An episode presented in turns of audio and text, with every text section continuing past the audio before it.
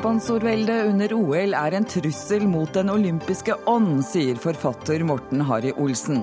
Sånn er det. Money talks, svarer Jakob Lund og Gerhard Heiberg. Syria venter på slaget om storbyen Aleppo. Det kan bli en forferdelig helg, sier kommandørkaptein ved Forsvarets høgskole. Én av tre soldater sendes hjem fordi de er i for dårlig form. Vi har et godt forsvar, sier Arbeiderpartiet, mens Fremskrittspartiet er bekymra. Batman flørter med fascismen, sier journalist i Klassekampen. Nei, Batman er et moralsk forbilde, svarer Civita.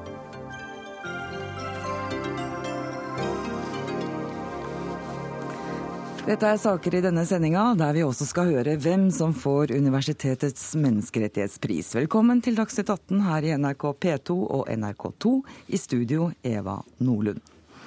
Om noen timer åpner sommer-OL i London, og London-korrespondent Gry Blekastad Almås, du er, i, er eh, ikke på plass nå, men vi har rakk en liten prat rett før sending, og jeg spurte hva det er som skal skje i kveld. I kveld er det jo den store åpningsseremonien som skal foregå, som, som, er et stort kulturarrangement på nesten tre timer. Det er 15 000 mennesker involvert på scenen. Eh, og så er det selvfølgelig da utøverne marsjerer inn. Og OL erklæres eh, åpnet her i eh, i London. Det er Danny Boyle som er regissør, eh, Oscar-vinner med filmen 'Slumdog Millionaire, Og han har holdt kortene veldig tett til brystet om hva vi skal, kan vente oss av denne forestillingen i kveld. Men eh, det har lekket ut små ting, f.eks. som at det skal spille mye på britisk humor. Merkes sponsorenes inntog i, i London, eh, Gry? Det skal jeg love deg at det gjør. Og særlig inne i OL-parken. Der domineres det av store McDonald's-bygg, eh, store Coca-Cola-bygg, eh, selvfølgelig. Og det er ikke lov til å kjøpe chips f.eks. pommes frites altså andre steder enn hos McDonald's, med mindre du kjøper den britiske retten eh, fish and chips. Så Sponsorene syns også over hele byen, på T-baner, T-banestasjoner, på store poster og plakater rundt overalt. Så det, de, de, betaler halvparten av disse leken, lekene, så skattebetalerne her får beskjed om at de skal være takknemlige for uh, disse sponsorenes tilstedeværelse. Men det er mange som er kritiske til det massive inntrykket sponsorene har her. Forfatter Morten Hari Olsen, du er ikke så begeistra for den retningen Gerhard Heiberg og IOC staker ut for olympiske leker. Hvorfor ikke? Nei, altså, Først og fremst, Det jeg blir opprørt av, det er jo når man skal begynne å eie språket. Eh, I Dagens Næringsliv i dag så var det en artikkel om Eh, om sponsorene. Og når de begynner å løpe rundt og male over O-en i en kafé som heter Olympic Café, og som har gjort det i årevis, eh, fordi at begrepet Olympic er da eh, blitt en merkevare på en eller annen måte. Jeg holdt på å si, Er det sant? Ja, det, hvis Dagens Næringsliv er etterrettelig, så er det sant. Uh, og uh, da begynner jeg å tenke at dette, dette, har kommet ut av alle proporsjoner. Det er en form for totalitær holdning her som jeg begynner å fryse på ryggen av, uh, med ensretting. Altså du Dette skal jo være markedstenkning og kapitalisme, men det er jo det stikk motsatte Eh, du får jo ikke valgfrihet på stadion. Du må jo drikke Coca-Cola. Monopolisme? Ja, monopolkapitalisme. Totalitær kapitalisme, kaller jeg det. Mm. Ja, vi har også med oss medlem av Den olympiske komité, IOC, Gerhard Heiberg. Du er selvfølgelig i London, og du er ansvarlig for de sponsoravtalene som IOC gjør på vegne av London-OL. Har dette tatt litt overhånd? Jeg syns absolutt ikke det. Eh, vi er nødt til å beskytte de sponsorene vi har.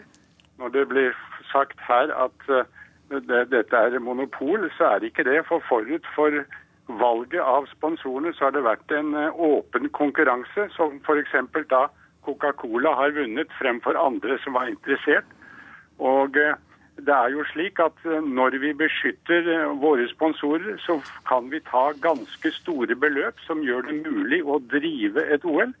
Pluss at disse selvfølgelig betaler såpass mye at eh, man kan invitere folk fra utviklingsland så sånn sett er dette med på å bidra til at alle kan være med, hvilket de ellers ikke ville ha kunnet.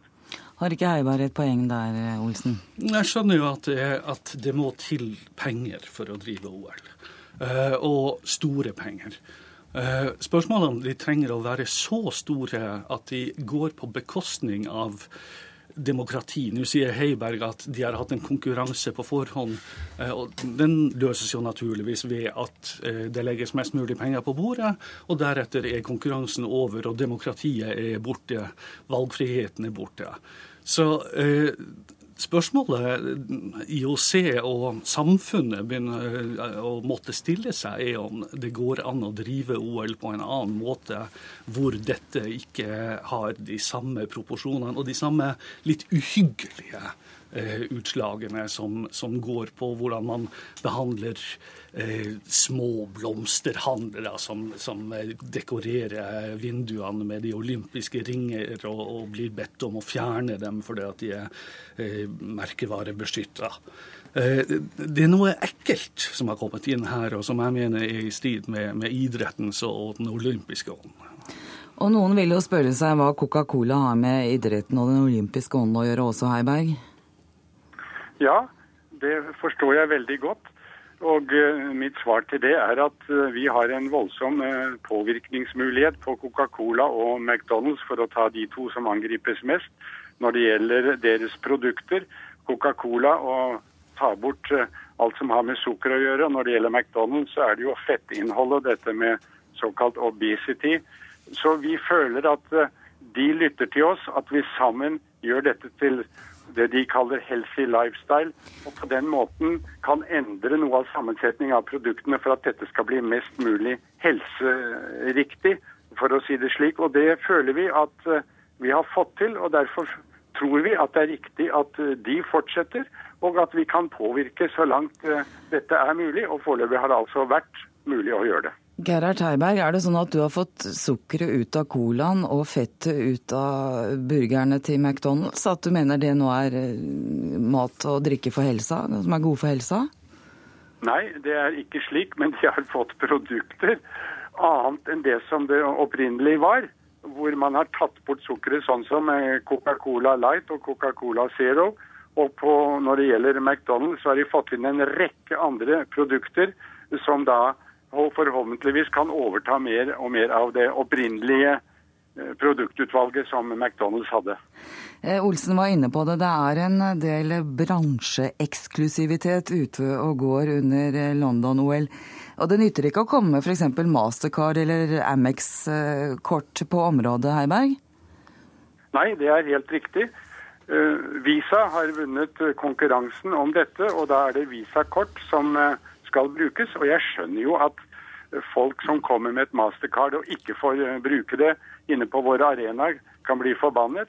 Men sånn er det nå i forbindelse med at de er en hovedsponsor, betaler gode beløp, gjør en kjempefin jobb for oss. Men det kan jo skape ubehageligheter for folk som da ikke har eh, visakort. Det skjønner vi. Men uh, vi er altså nødt til å trekke en grense, hvilket vi da gjør, for å beskytte Visa i i denne konkurransen. Vi har også med oss eier av Jakob Lund Consulting, tidligere sponsorsjef i DNB. Jakob Lund, velkommen. Takk. That's Life Money Talks er ditt svar til Morten Harry Olsen, og det syns du er i sin skjønneste orden? Det jeg registrerer, er jo at eh, hvis du bare går 20 år tilbake til 1992, så var eh, bruken av penger innenfor internasjonal sponsing på ca. 4 milliarder dollar. Mm, jeg tror du må litt nærmere den smitten. Sponsingen var på 4 milliarder dollar innenfor uh, det internasjonale bildet for 20 eh, år siden. I dag er det 50 milliarder dollar. I Norge var det sponsing i, 2000, i 1992 på ca. 200-300 millioner. I dag er det på 3-4 milliarder. Dette er en utvikling som er irreversibel. Og det er noen bedrifter her. Nå har, eh, sitter jo Gerhard i, i, i, London, men du har vel en 11 topp 11 her av bedrifter som betaler omkring 100 millioner dollar hver for to OL, altså et vinter- og et sommer-OL. Og det er klart, Jeg skjønner veldig godt at de vil ha value for money. Altså, De betaler ikke 100 millioner eller 600-800 millioner kroner for å la konkurrentene slippe inn med sine merkevarer. Fordi at de ønsker å bli assosiert med en av de sterkeste merkevarene kloden har klart å få til, nemlig de olympiske, de olympiske ringene. Eh, ikke sant. Heiberg, du var jo inne på dette med at dere har hatt en åpen konkurranse. Men det er vel ikke alle som kan være med å konkurrere når det er så store penger i omløp som det vi hører her? Nei, Det er selvfølgelig riktig. Det må være de store, eh, store globale selskaper. Fordi de, dette gjelder jo ikke bare å, å, bruke den mulighet de har fått under de lekene, f.eks. i London, men de kan det brukes eh, i all verdens land. Så Sånn sett har de fått en mulighet innenfor sine kalde produktkategorier til å få frem sitt merkevare assosiert med de fem ringene i hvert eneste land på kloden. Så Sånn sett er det store muligheter, og dermed er det store selskaper som kan være med. Mindre som ikke er så sterkt internasjonale, har selvfølgelig ingen sjanse når det gjelder å være sponsor hos oss. Men det stopper jo ikke der. Ja, altså, når, eh, når, man går rundt og teiper over merkenavnene på eh, eh F.eks. håndtørkeautomater som ikke er inne på sponsorlista, sånn at bare sponsorene skal være synlige. Eh, så, så, handler dette om en form for mind control. Hele, Hjernevirksomhet? Ja, det er, det er en måte å, å, fjerne oppmerksomhet fra alt annet og rette den bare mot eh, de elleve store som har råd til å betale de her pengene. Det er ute av alle proporsjoner, og det er udemokratisk. Jeg synes det virker, Du nevner, sier at det her går, utover, det går på bekostning av demokratiet. Eh, vi har hatt, og vi vil komme til å få se en utvikling av nettopp et sterkere demokrati i svært mange av disse landene som har hatt de olympiske leker de siste årene. Og bidraget Jeg ser bare f.eks. Eh, bruken av eh, idrett og ja, idrett i marketing, i idrettssportsmarketing rundt omkring i verden. Eh, den har jo bl.a. i Kina vært nesten fraværende. Jeg ser nå at store kinesiske selskaper vil inn på denne banen her og begynne å kommersialisere og bruken av av sine produkter gjennom nettopp idretten. Eh, det, dette her fører til en sammensmelting av den globale handelsaktiviteten, de globale verdiene. Så Andreas Torkelsen, som et av vårt største gullhåp, ved siden av DNB er hovedsponsoren hans Lining, en av de virkelig kommende store kinesiske klesprodusentene, som utfordrer Puma, eh, Adidas eh, osv. i det europeiske markedet. Blir det mer demokrati av det? Det blir ikke mer demokrati av det, men poenget er at de, det blir mer kommunikasjon. Ja. Heiberg vil inn. Ja, vær så god. Jeg lov å si at eh, jeg skjønner jo når man tar eksempler som her blir frem, så kan det virke litt latterlig. Og selvfølgelig er det en balansegang. At man skal ta den lokale bakerpårene, det kommer ikke fra meg, selv om det er jeg som er sjef for dette her. Men eh, der er en balansegang. Noen fleksibilitet må vi vise. Og det prøver vi å få til, og gjøre det med et smil. Jeg føler at det har vi fått til. Noen som har fått da dette som var sagt, at man blir malt over noen bokstaver, det er tatt bort. Så det skulle være i orden. For det må, det må ikke bli helt borti hampen galt, dette her. Men, Men altså, det er en balanse, og den prøver vi å få til. Og de fleste skjønner forstår og aksepterer. Men så lurer vi litt på den balansen og hvor grensene går, for å, for å si det sånn. Hvor langt kan en, kan en, gå for at en kan snakke med balanse? For nå snakker både du om eh, ringene som eh, merkevare, og Jakob Lund gjør det. Vi snakker om idretts og marketing. Det er vel en grense der før det handler mer om at OL er til for sponsorene og ikke for idrettsutøverne? Det tror jeg ikke er riktig, for sponsorene har ingenting de skulle ha sagt når det gjelder idretter, begynnelsestidspunkter på de forskjellige idretter. Vi er helt uavhengige. Så det vi bruker, er assosieringen med de fem ringer og de olympiske verdier. Så, eh, så lenge vi kan bevare vår handlefrihet, og det kan vi, så har sånn sett dette ingen innvirkning på hvordan OL drives i det hele tatt. Jakob Lund. Ehm, jeg tror taket for IOC ligger i det øyeblikk de begynner å begrense seermulighetene. Seermulighetene. Seermulighetene. Mm. I det øyeblikk man eh, begrenser eh, de olympiske leger til å gå på pay-TV og andre, og ikke på offentlige kanaler som NRK og TV 2, da, begynner, da har vi nå taket. Da begynner folk å miste interessen, og da begynner folk å gi blaffen i det som foregår. Takk skal du ha, Olsen. Du ser like bekymra ut. Ja, jeg har ikke hørt noe som gjør meg mindre bekymra, så lenge man bare snakker om eh, at det er tre som skal vokse inn i himmelen. Takk skal du ha, Morten Harry Olsen, forfatter. Takk også til medlem av Den olympiske komité, Gerhard Heiberg. Og takk til Jakob Lund fra Lund Consulting. Hør Dagsnytt 18 når du vil, på nettradio eller som podkast. nrk.no – dagsnytt 18.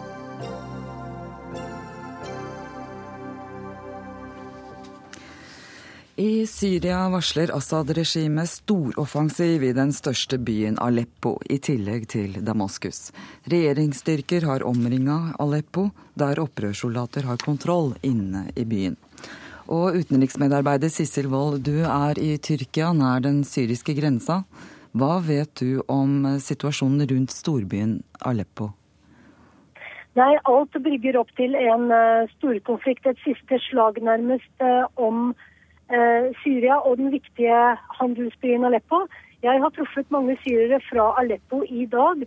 Eh, dette er jo alt de snakker om. De følger med på TV hele tiden. Det de sa til oss, var at de er redde for massakre.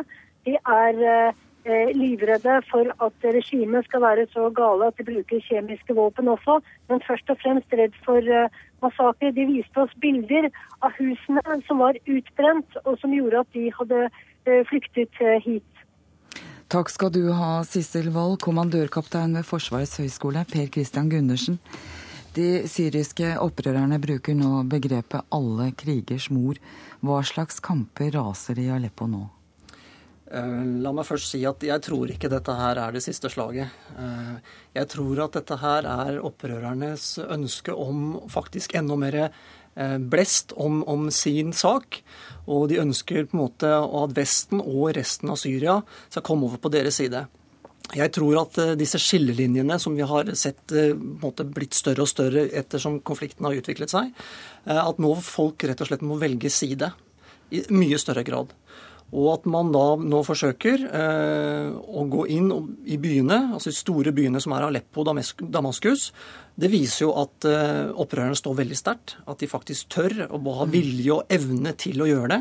Samtidig så er det slik at eh, kjent geriljataktikk er å bruke bebygde områder slik at ikke regjeringshæren kan fullest nyttiggjøre sine kapabiliteter som eh, helikoptre, som stridsvogner og artilleri, på samme måte som de kan altså i, i mer åpne områder. Nei, For det kan det ikke, for da det vil koste for mange sivile liv? Jo, men det har jo vi av regjeringshæren vist at de på en måte er villige til å ta. Mm. Eh, men det er klart at det også gagner jo opprørerne. Hvis nå eh, regjeringshæren går tungt inn, bruker artilleri, stridsvogner og helikoptre, kamphelikoptre inn i disse bebygde områdene, så vil det selvfølgelig gå enda flere siviltap. Mm. Dermed så vil det flere vippe over til opprørernes side, både internasjonalt og nasjonalt i Syria. Mm. Vi hørte Sissel Wold eh, si at eh, flyktninger fra Syria i Tyrkia nå snakker om frykt for massakre og kjemiske våpen. Er det grunn til det? Eh, massakre har vi jo sett allerede. Så det tror jeg de som da ikke har klart å komme seg ut av Aleppo Dette er jo en millionby, så det er jo umulig for folk nå å flykte fra Aleppo. Så folk må rett og slett bare gjemme seg, holde seg innendørs og gjøre seg så sikre som mulig. Men at det kommer til å, vi kommer til å se stygge sivile tap dersom denne, dette slaget i Aleppo utvikler seg. Mm. Det, det, er utvilsomt. Når det gjelder kjemiske stridsmidler, så har jo Assad sagt at eh, han har kontroll på de, eh, og at han ikke ønsker å bruke det mot sin egen befolkning. Og jeg tror og håper at det er riktig. Jeg tror ikke han er gal nok til å gjøre det, fordi da mister han all troverdighet både nasjonalt og internasjonalt. Rent taktisk, som det heter. Du har vel vært inne på det, men hvem er det som i utgangspunktet har fordel her? Opprørerne har tatt stilling altså inne i byen. Men regimet har, som vi har vært inne på, langt flere og tyngre våpen.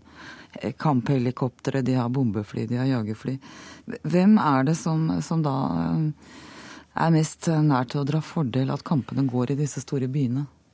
Opprørerne er jo i, eh, i underlegne når det gjelder eh, våpen. Eh, så det er klart at de må møte regjeringshæren i, i, disse områdene som er bebygd. Hvor de kan gjennomføre nålestikkoperasjoner med mindre enheter. Hva er det? Kan du si litt mer om det? Nålestikkoperasjoner kan være altså en ti-tolv mann med håndvåpen, med rakettkastere, som rett og slett tar ut da elementer av, av regjeringshæren. Kan være stridsvogn, kan være artilleri osv.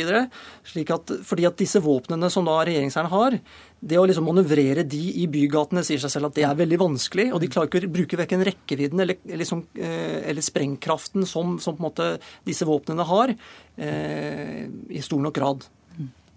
Vi har også med oss prosjektkoordinator ved Institutt for kulturstudier og orientalske språk ved Universitetet i Oslo, Kai Kverme. Velkommen. Det er altså venta harde kamper i Aleppo i, i hele helga. Hvor viktig er denne byen?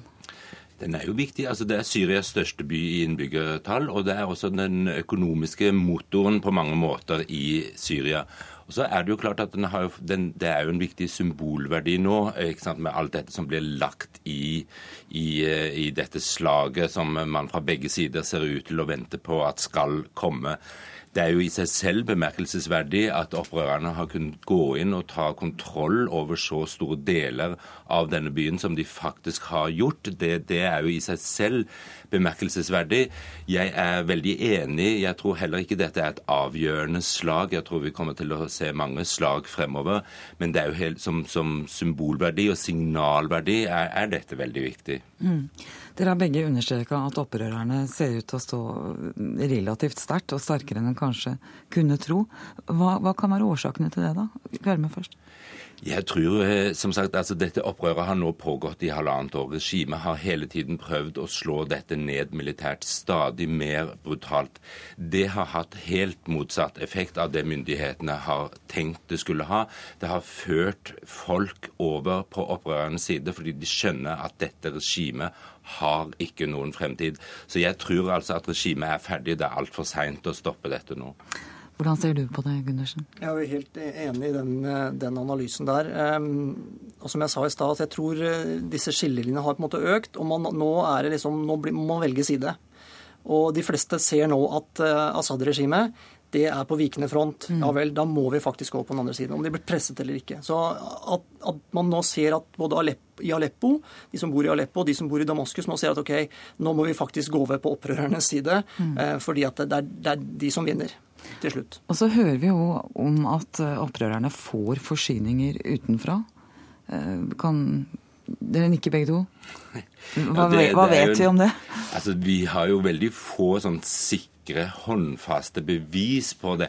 det. Men eh, det er jo nærmest opplest og vedtatt at uh, Tyrkia har en ledende rolle her, sammen med Saudi-Arabia og Qatar, som finansierer dette. Eh, det litt interessante er jo i hvilken grad amerikanerne faktisk er inne. Mye kan tyde på at de er mer aktive enn det vi kanskje vet nå.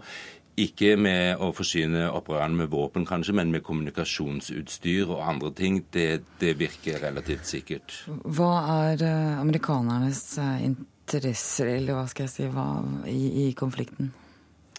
Motiv? Altså, jeg, jeg, tror nok at man helst ville gått gjennom FN og fått en resolusjon og stått samlet og fått en rask avslutning på dette her.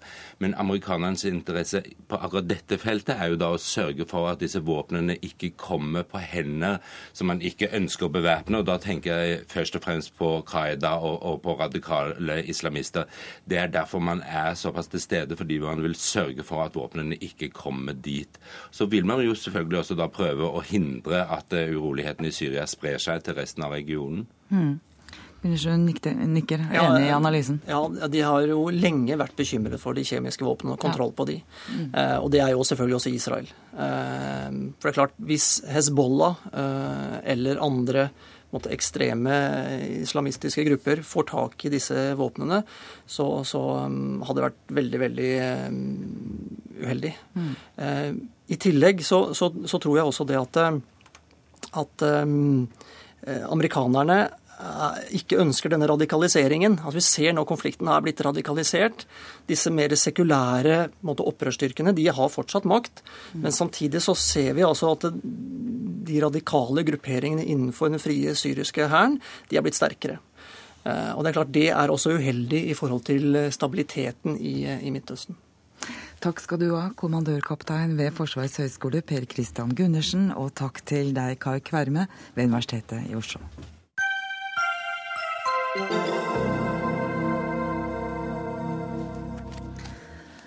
Barna frykter at stadig flere barn blir offer for menneskehandel. Tall fra Utlendingsdirektoratet viser at langt flere barn er forsvunnet fra asylmottak i Norge hittil i år enn i hele fjor.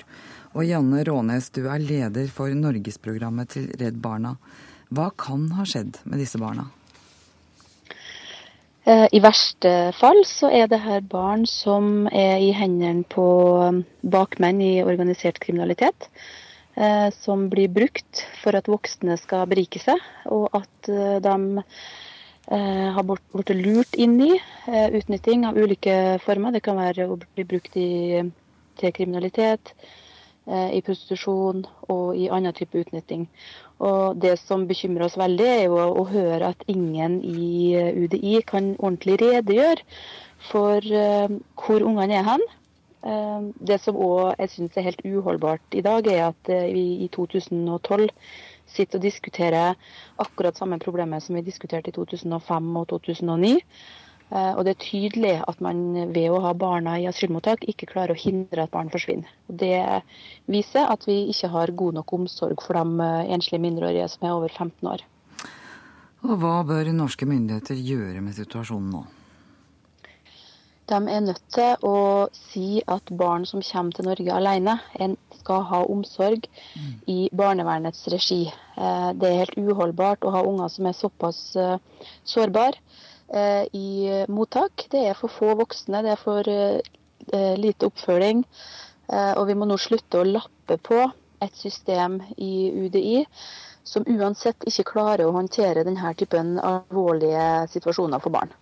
Så Vi mener at regjeringa er nødt til å gjøre en lovendring som tilsier at også barn over 15 år som er enslige mindreårige, skal ha omsorg fra barnevernet. Slik de enslige mindreårige som er under 15 har det.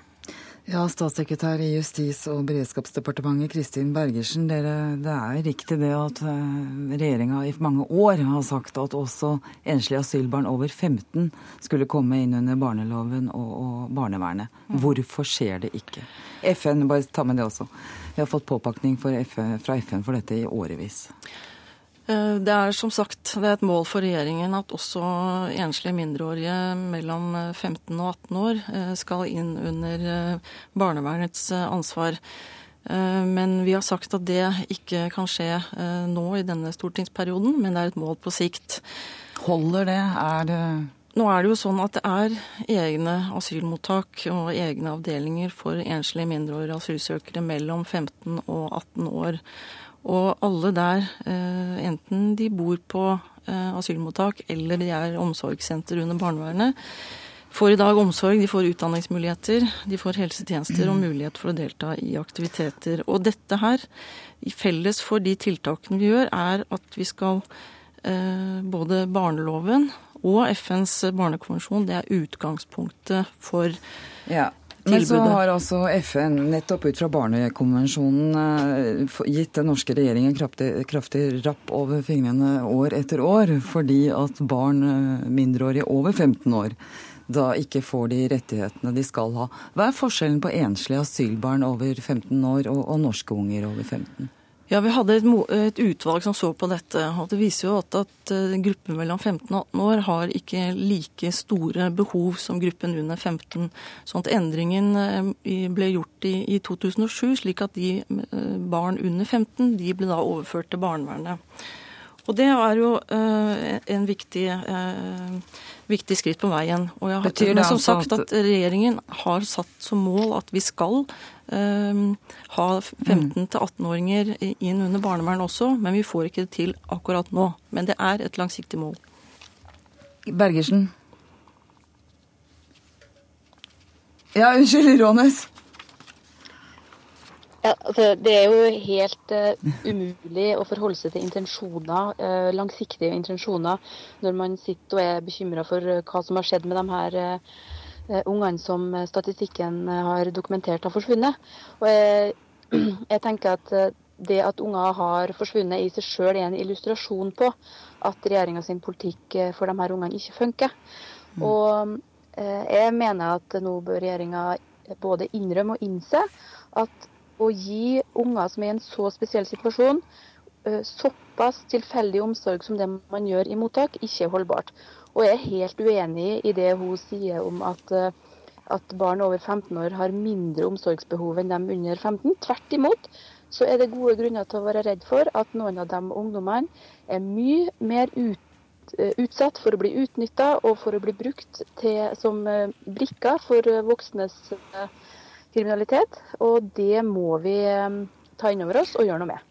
Hadde vi sett annerledes på det, Bergersen, hvis såpass mange norske barn mellom 15 og 18 år hadde blitt borte? Det er en, eh, en, forskjell her. Dette er barn som har eh, reist rundt eh, i Europa, har vært i mange land. De er ofte redd for å snakke med myndighetene. Det er forskjeller også på ungene. Og de er, de er, mange av dem forlater mottakene frivillig. Uh, mange av dem er også opp mot 18 år. Og mange av dem er også de forsvinner når de skal testes for om de faktisk er under 18 år. Sånn at eh, det er store forskjeller. men vi tar selvfølgelig hver eneste av de ungdommene som forsvinner alvorlig, og sakene der. Og det betyr at når det forsvinner noen, så blir det meldt til politiet, det blir meldt til UDI, det blir meldt til barnevernet, og man følger dette opp. Sånn at det er ikke slik at vi ignorerer dette. Eh, vi følger det opp, og vi tar, tar, det, tar det, alvorlig. Og vi er bekymra for de ungdommene som faktisk eh, vi ikke kan gjøre rede for. Men den bekymringa den bekymringa har de jo hatt i årevis. Og det at vi nå faktisk ser en økning fra i fjor, må jo tilsi at man er nødt til å gjøre ting radikalt annerledes. Og igjen så er jeg uenig i at det er en stor forskjell på disse barna. Hvis man går til eh, FNs barnekonvensjon, så er det sånn at det er ingen forskjell i hvilke rettigheter de her ungene har eh, opp mot norske barn som trenger god omsorg fra barnevernet. Og det er en systematisk diskriminering fra regjeringens side at man ikke lar dem her få omsorg via barnevernet. Eh, og Det er nettopp det FNs barnekomité har påpekt òg. Og jeg har problemer med å forstå hvordan man kan forsvare denne praksisen opp mot FNs barnekomité. Bergersen? Ja, nå er det jo slik at, eh, Som jeg også nevnte før, at vi har, vi har faktisk eh, egne mottak, egne avdelinger for denne gruppen. Og vi gir dem eh, omsorg, vi gir dem utdanningsmuligheter, vi gir dem eh, helsetilbud. Nettopp for å sørge for at vi følger barneloven og følger opp FNs eh, barnekonvensjon. Mm. Men som sagt, Men det er jo... dette er et langsiktig mål at vi skal Men få omsorgslønn Hvor langsiktig er det? For det er jo regjeringas egen målsetting og har vært det i årevis at dette skulle på plass, sånn at det var i tråd med barnekonvensjonen. Så hva er tidsperspektivet nå? Det viktige er jo at vi styrker barnevernet, eh, og det har vi gjort eh, gjennom mange år på det kommunale nivå. Og vi har styrket eh, barnevernet på det statlige nivå i år. Det er viktig å få rigget barnevernet til med kompetanse og det som skal til, for at vi skal kunne også ta vare på, på alle enslige mindreårige asylsøkere. Så det betyr at når barnevernet er rusta til det, så skal de få de rettighetene de har i Norge? Er det det som skal bestemme? Vi mener at eh, det er viktig at barnevernet kan ta imot denne gruppen. og Derfor har vi også eh, styrket barnevernet i de senere årene. Og det er også sånn at Vi har eh, vedtatt lovendringer i barnevernloven for at barn som faktisk er utsatt for menneskehandel, og som Redd Barna også er opptatt av, og at de skal få bedre beskyttelse. Da skal vi gå til vår tredje gjest, forsker ved forskningsstiftelsen Fafo, Anette Brunovskis. Du har forska på menneskehandel i ti år. Hvor vanlig er det at asylbarn eh, i Norge blir ofre for menneskehandel? Jeg tror ikke vi kan si at det er veldig vanlig. Um, sånn at når vi ser på disse tallene og ser på hva var det 46 eh, hittil i år, så skal mm. vi ikke gå ut fra at de fleste av disse barna er blitt ofre for menneskehandel. Dette er jo et felt hvor det er helt notorisk vanskelig å telle og komme med noen nøyaktige tall. Mm. Men, men, det er jo mange grunner til at mindreårige forsvinner fra mottak. Jeg syns det er viktig å, å, understreke også. Finnes det eksempler på at uh, disse, våre barn for å si det sånn, er blitt utsatt for menneskehandel? Det gjør det. Det, mm. gjør det. Uh, det var faktisk et av de første feltarbeidene jeg var på i Albania for ti år siden. Så snakket jeg med en jente som da var 16 år gammel, tror jeg, og som hadde vært i Norge. Og, og da blitt instruert om hvordan hun skulle, skulle søke om asyl, ta, altså hvordan hun skulle ta seg bort fra asylmottaket osv. Mm. Det var en eh, stor sak med internasjonale forgreninger med kinesiske barn for noen år siden. Og det, det, har, vært, det har, absolutt vært eksempler. Så, Hva skjer med disse barna? Eh, de fleste, altså sånn som statistikken ser ut nå, eh, på de barna som vi, som vi da vet noe om, mm. Eh, så er majoriteten blir utnyttet innenfor det man da sier et tvangsarbeid, altså gjerne knytta til narkotikaomsetning eller vinningskriminalitet, eller også innenfor prostitusjon. Men dette her er jo da barn som er ofre for menneskehandel generelt, ikke bare de som har vært innom asylsystemet.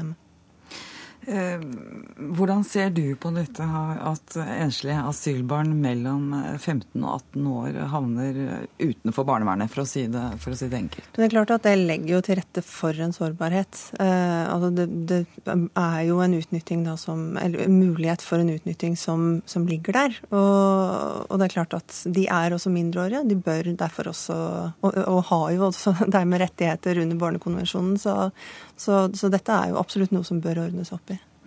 Takk skal du ha, Anette Brunovskis. Takk til Kristin Bergersen, som er statssekretær i Justis- og beredskapsdepartementet. Og takk til Janne Rånes fra Redd Barna.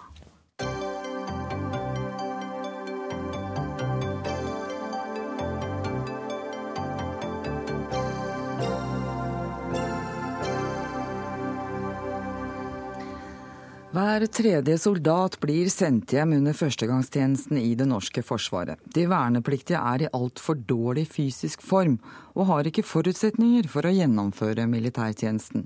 Likevel vil Forsvaret redusere kravene til soldatene. Og Eistein Kvarving, du er talsmann for forsvarssjefen. Sender dere da rett og slett hjem soldater fordi de ikke er spreke nok? Nei, bildet er nok litt mer sammensatt enn som så. Eh, la meg først presisere at det, eh, det, den tredjedelen eh, som vi snakker om her, der om lag halvparten av de eh, blir sendt hjem igjen etter at de har møtt til førstegangstjeneste og gjennomført det de kalles innrykkstestene. Da, da, forsvinner veldig mange av de første dagen, og det er nettopp det vi ikke er fornøyd med. Ja, de forsvinner fordi at De forsvinner både fordi at ting har, stort sett fordi at ting har endret seg siden de var på sesjon og tok disse testene sist. Det er en blanding av fysiske, eh, opp, altså fysiske tester, men også helsekrav. Altså en mm. medisinsk undersøkelse. Og så handler det også i noen tilfeller om straffbare forhold som gjør at man ikke er eh, klart skikket til sikkerhetsklarering. Er det blitt kriminelle siden de var på sesjon? Nei, det hender, det hender at folk har vært, hatt en politisak f.eks. Mm. slik at uh, man ikke kvalifiserer til sikkerhetstjeneste. Så det er noen av de årsakene som er. Men er det ikke sånn at uh, sesjonen nettopp skal fungere sånn at det skal luke ut de som ikke oppfyller kravene og ikke kan være i Forsvaret da? Hvorfor, hvorfor må de inn i Forsvaret for så å bli sendt uh, ut igjen? Nei, og Det er nettopp derfor vi har innført en helt ny sesjonsordning. Uh, som nå er todelt, hvor den siste delen, hvor disse fysiske testene og legeundersøkelse og også andre tester inngår, er, skjer mye nærmere i tid i forhold til det innrykket. Og dermed så uh, vil uh, den uh, andelen mennesker som da må, må, dessverre sendes hjem igjen, den ønsker vi ned mot så lite som mulig. Men nå er det sånn at den nye sesjonsordningen ikke har fått lov til å virke lenge nok. Nei. Slik at vi har sett noe effekt av det ennå. Hvor lang tid har det så langt gått da, mellom sesjon og verneplikt? Det varierer litt, men det har eh, vært opptil eh, tre-fire år. Og da blir det for lenge, og det er da vi ser disse endringene. Da kan det bli fysisk forfall og småkriminalitet. Ja. Eh, Jan Arild Ellingsen, du sitter i Stortingets forsvarskomité, og det gjør det for Fremskrittspartiet. Dette bekymrer deg? Ja, det gjør det selvfølgelig. Målet med de som skal inn og avtjene førstegangstjenesten, må jo være at de har den nødvendige fysikken som gjør dem i stand til å gjøre det. For det er jo sånn at Forsvaret har et oppdrag å løse på basis av innspill fra storting og regjering. Og da må jo den, den arbeidsstokken de har, altså de vernepliktige, som er en vesentlig del av det, være i en sånn stand at de er i stand til å løse de oppgavene sammen med Forsvaret. Hvis ikke så har vi altså i verste fall et, et sikkerhetspolitisk utfordring. Har du noen planer eh, i ermet for eh, hvordan du skal få vernepliktig form, eller? Nei, det tror jeg skal alle andre foreta, eh, som sikkert bedre egnet enn meg. Men, men, jeg tror at skolen er en nøkkel her. Det er vel sånn at det norske folk jevnt over har ikke har hatt skader og vært i bedre fysisk form. Og Fremskrittspartiet har tatt til orde for at vi bør ha mer gym, mer aktivitet i skolen, og at det kan være bidrags, et, et, bidrag i så måte for å få ungdommen mer ut av sofaen, ut i, større, ut i mer aktiv fysiske utfoldelse. For det, er man i god form, så tror jeg man løser bedre de oppgavene man blir satt til å løse. Er Norge i stand til å forsvare seg, da, sånn du ser det, når eh, vernepliktige må sendes hjem for de er i for dårlig form? Noen av dem, da. Jeg, jeg tror i utgangspunktet så jeg, har jeg vært rundt og reist i Norge og ute og møtt eh, vernepliktige og andre som tjenestegjør med flagget på skuldra. Og gjennomgående er de godt motiverte, de er godt kvalifisert og de gjør en kjempejobb. Ja, det er de som ikke er sendt hjem. Og nettopp det er jo hele poenget. Poenget må være at Forsvaret har nok å ta, slik at man får inn folk som kan gjøre den jobben som trengs. Mm. Og det som kommer fram i den artikkelen og som er tema nå, det er bekymring bekymringsfullt fra vårt ståsted. Ellingsen, så vidt jeg husker så sitter du i studio i Fredrikstad. Har du med deg Svein Roald Hansen? Det har jeg, vet du. Ja, det er fint. For Svein Roald Hansen er nestleder i Stortingets forsvarskomité fra Arbeiderpartiet. Og du er ikke så veldig bekymra over dette her? Altså, det er bekymringsfullt at eh, befolkningen generelt sett beveger seg for lite og sitter for mye stille. Eh, men når det gjelder eh, Forsvarets muligheter til å få de mannskapene de skal ha, så løser man det fordi man trenger nå Det er vel en snau tredjedel av den mannlige delen av befolkningen som skal inn til førstegangstjeneste. Og da har man, har man mye å ta av. Men man må få bedre uh, utvelgelse, slik, at, uh, slik, man nå jobber med, med kortere tid uh, mellom sesjon og innrykk. Slik at man slipper de frafallene. det tror jeg er, er viktig. og også at de som tas ut til førstegangstjeneste og, og får, får, den utdannelsen som ligger i det, at de er, vet hva det er de går til, slik at ikke de møter noe som er annerledes enn det de ble forespeilet på sesjonen. Eh, hvis vi skal dvele litt ved denne fysiske formen, som ikke er helt på topp, i hvert fall ikke hos uh, alle. Hva tror du skal til der? Flere sykkelstier? Ja, det er flere sykkelstier. Det kommer jo med klimameldingen og løse trafikkproblemene. Eh, men også, som Ellingsen nevner, altså mer gym i, i, skolen. Men her må også foreldrene altså ta et ansvar eh, for å få unga ut av sofaen, ut av, vekk fra PC-skjermen fra de er eh, nær sagt en nevestor. Mm. Og ikke minst ungdommene selv, da, når de kommer opp i den alderen at de nærmer seg tiden da de skal avtjene verneplikt, de som skal gjøre det. Men det finnes jo mange unge, spreke jenter i dette landet. Kan kjønnsnøytral verneplikt løse dette problemet? Ja, Om det løser det, vet jeg ikke. Men uh, jeg mener at vi må dit. Uh, det har vært en sånn prosess som har pågått. Nå har vi eh, sesjonsplikt for, for kvinner. og da Stortinget behandlet langtidsplanen nå, så gikk komiteen, en samlet komité lenger enn det regjeringen antydet. Mm. Så jeg tror at når stortingsmeldingen om kompetanse kommer, så vil det komme forslag om kjønnsnøytral verneplikt. Så fra 2015 så tror jeg også jentene må belage seg på å avtjene verneplikt. Ja, Kvarving, eh, talsmann for forsvarssjefen. Har du tro på at uh, jentene kan være med å løse noe av problemet med, eller utfordringene i dårlig form hos gutta?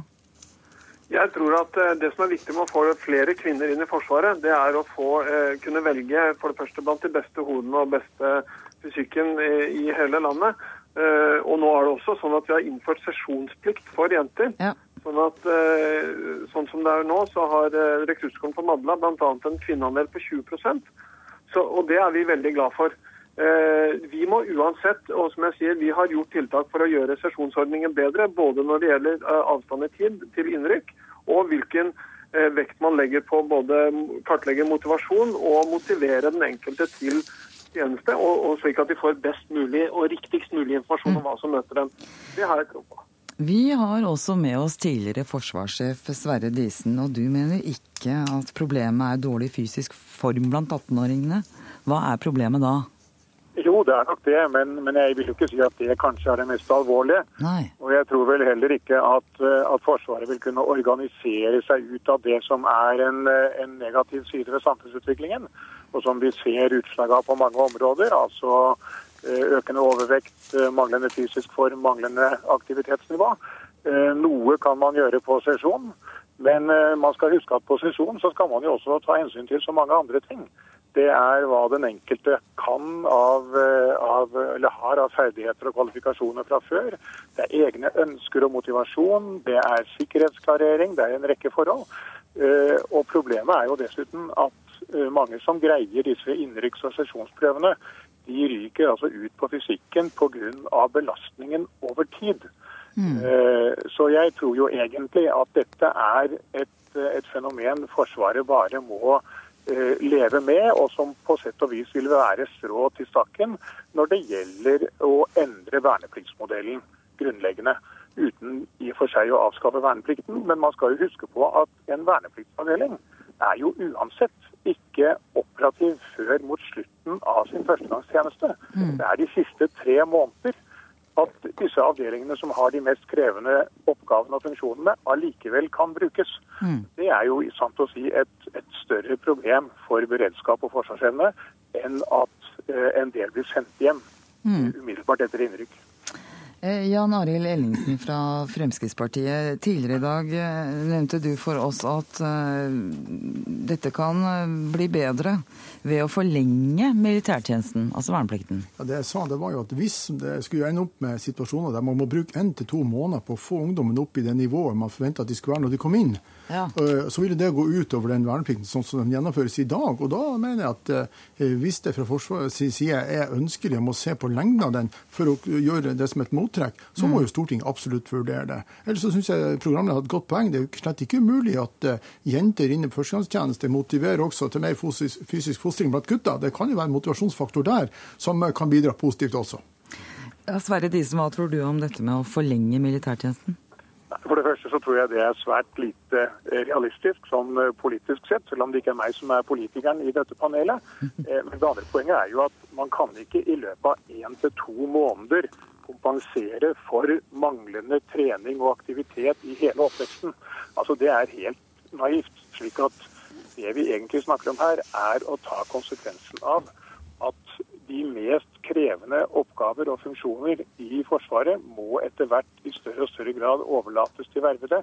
Eh, rett og slett som en konsekvens av ikke bare én trend, men en rekke trender. Teknologiutvikling, kostnadsutvikling, samfunnsutvikling. Og det nytter det på sett og vis ikke å eh, organisere seg bort fra. Kort om det til slutt, Svein Roald Hansen fra Arbeiderpartiet, flere vervede. Ja, Vi har hatt en utvikling hvor vi har hatt flere vervede. Eh, og vi kommer til å ha en litt annen blanding framover, eh, med vekt på litt flere vervede. Men jeg tror vi skal holde fast på den allmenne verneplikten, fordi det gir for det første Forsvaret en valgmulighet blant hele eh, befolkningen. De kan plukke de beste, best motiverte, men framfor alt så gir det altså en viktig forbindelse mellom befolkningen og Forsvaret, som er veldig viktig å ta vare på. Takk skal du ha, Svein Roald Hansen fra Arbeiderpartiet. Takk til Jan Arild Englingsen fra Fremskrittspartiet. Sverre Disen, tidligere forsvarssjef, og Eistein Kvarving fra Forsvarssjefens kontor.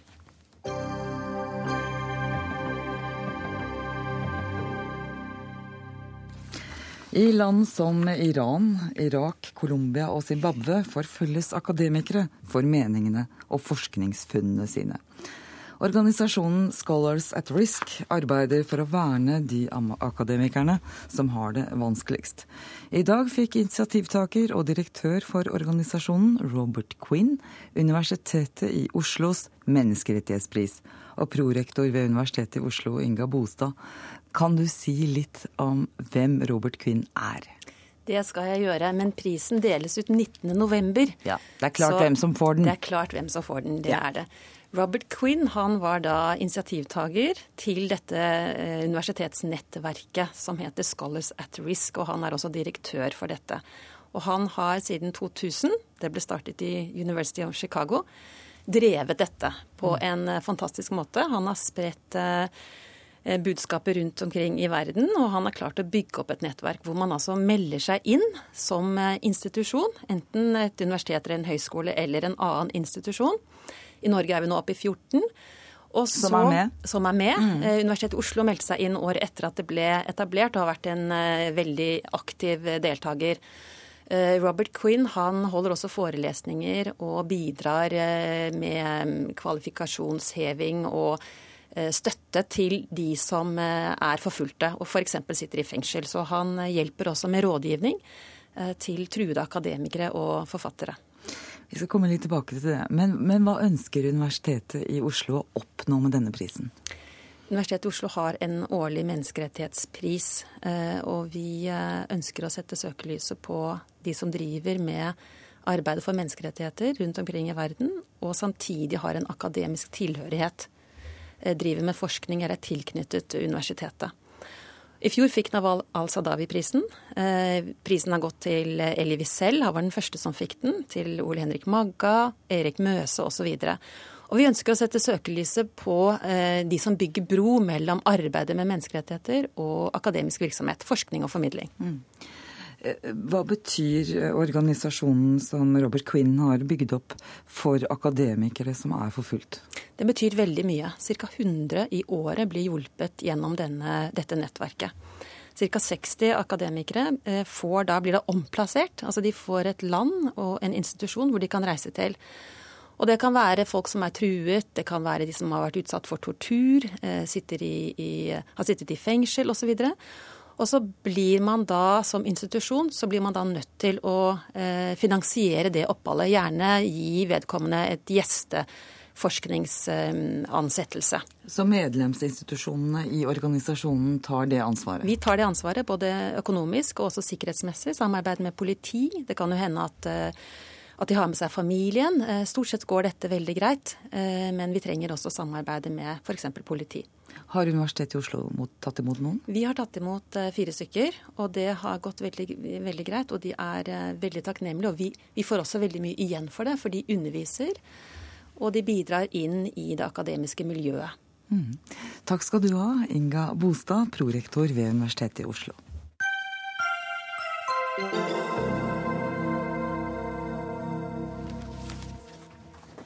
Over 80 eh, 000 nordmenn har de siste dagene sett The Dark Night Rises, den siste filmen i Batman-triologien. You think this can last?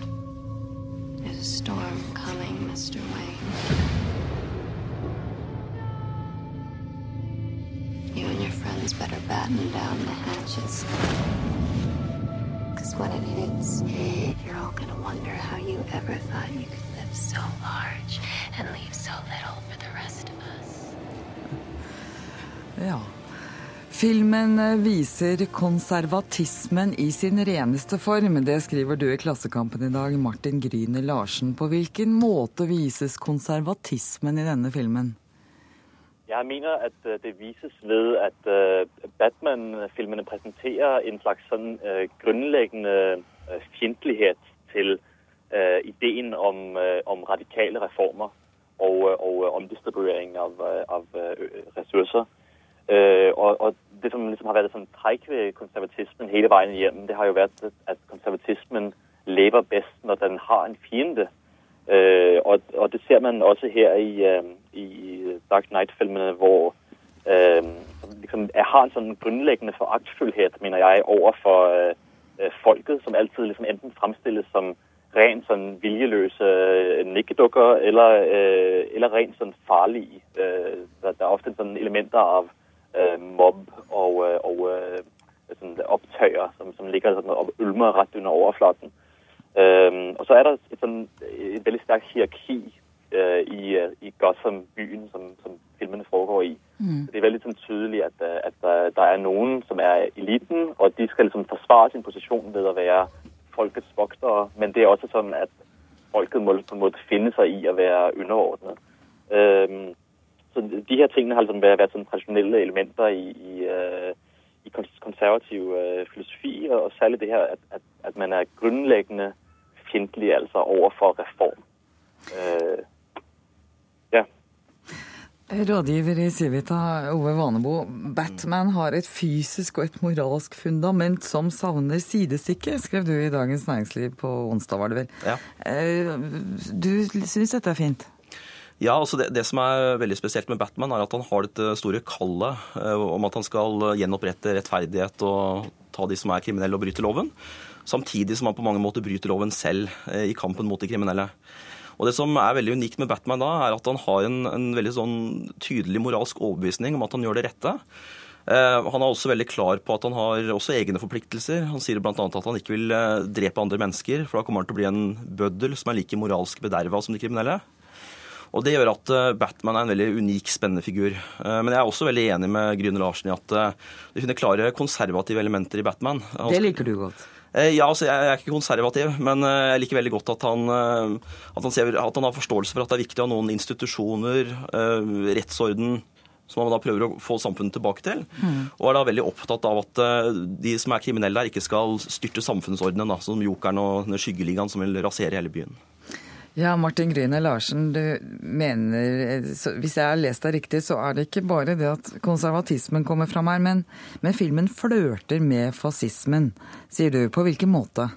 Altså, det har jo vært noe konservatismen eh, alltid har gjort. Når, når konservatismen består i en motreaksjon mot eh, folkelige frigjøringsbevegelser veldig ofte. Og da er det sånn at Når den frigjøringsbevegelsen blir sterk nok, og elitene blir presset nok, kan, eh, begynner de konservative, klassiske elitene å flørte med fascismen. Og der øh, øh, Fascismen karakteriseres øh, som, som f.eks. Øh, Roger Griffin og Robert Paxton, to som fascismevitere, øh, snakker om, karakteriseres det av at det er en slags sånn, gjenfødelsesmyte. Et samfunn som har blitt øh, forfalt fra en gullalder til en korrupt tid, øh, skal gjenfødes. Det skal gjenfødes gjennom en øh, sterk lederskikkelse, ikke sant, Batman, øh, som har en sterk symbolsk eller mytologisk karakter. Øh, og, og der er en slags lederkultus rundt den skikkelsen. Øh, der er også ofte en sterk sånn, ikonografi. ikke sant? Altså det her med, Vi tenker på hakekorset med fascismen ikke sant? eller med nazismen. Og der har du der i, i, i Batman-universet har du den her øh, ikonografien rundt flaggermusen og flaggermussymbolet osv. Det karakteriseres også av uh, sterk aggresjon mot folkelige bevegelser. Det ser vi jo veldig tydelig, særlig i den siste filmen her. Og at vi ser det i en allianse mellom uh, en, uh, en øh, ordensmakt som går utover lovens grenser, øh, en allianse mellom dem og privat kapital, altså her representert ved Bruce Wayne, Batmans alter ego, som er en milliardær, øh, og at øh, Batman har et paramilitært element. Sant? Han er en, en vigilante, han er en, som sætter seg utenfor loven for å håndheve retfærdighed. Da må jeg avbryte deg, Grine Larsen, for nå er Vanebo veldig ivrig i studio her. Ja, nei, altså jeg, jeg, Selvfølgelig finnes det visse former for autoritær eh, konservatisme, hvor du har eh, grenser mot fascisme og styre og kontroll og militær Så du er enig i det? At det er grenser Ja, mot ja, men fascisme? jeg, ja, men jeg er uenig i at, at Batman har den type konservatisme. For det er sånn at eh, for det første så skal, skal vi huske at veldig mye av fascismen er jo også ma- massemobilisering av folket. Det er bare å se under Mussolini og Hitler, hvor du da skulle få disse folkemassene med seg. Mm. Så er det sånn at Batman er ikke opptatt av å ha den renselsen av Gotham. Det er denne skyggeligaen som da vil ødelegge hele byen som har. For Eh, oss som ikke har fulgt ja, det, det, er, det er Altså, fienden da som prøver å ødelegge hele byen. Ikke sant? Og byen heter Gotham. Ja, det er der Eh, alt foregår. Ja, og Ja. Da, da mener jeg at byen har blitt så, så fæl at de er nødt til å rasere hele byen. Men så da sier Batman at nei, det kan vi ikke gjøre. Og det, det viser at man ønsker ikke å rense byen, han prøver å forandre den gradvis. Og så er det også det med at Batman ønsker ikke et autoritært styre. Det han ønsker er å overflødiggjøre seg selv. Det er derfor han også tar en pause på åtte år fra film to eh, til i dag. Fordi han da rett og slett ikke ønsker å være den som styrer og kontrollerer. Og så kan man gjerne si at Batman tilhører de, den rike klassen og har penger, men han, fremstiller jo også eh, vennene sine som litt sånn dumme og overfladiske av de som er rike. At de, de skjønner ikke helt hva som foregår. Så jeg, jeg finner også en sånn kritikk mot, eh, mot den rike eliten som da ikke klarer å sette seg inn i politiske spørsmål. Den tror jeg også du finner i Batman. Er du enig i det, Grine Larsen? Altså, jeg er enig i at eliten fremstilles som uh, korrupt, men jeg vil jo også si at uh, en ting som Barnebo nok glemmer her, det er jo nettopp at Batman helt eksplisitt sier at han ønsker å påvirke folket gjennom å være et symbol. Han er en, masse, en massemobilisator. Det mener jeg er, er helt tydelig. Og, men så samtidig må jeg si meg enig. Jeg, jeg sier jo i artikkelen min at det her er en, en ikke fullbyrdet flørt med fascismen. ikke sant?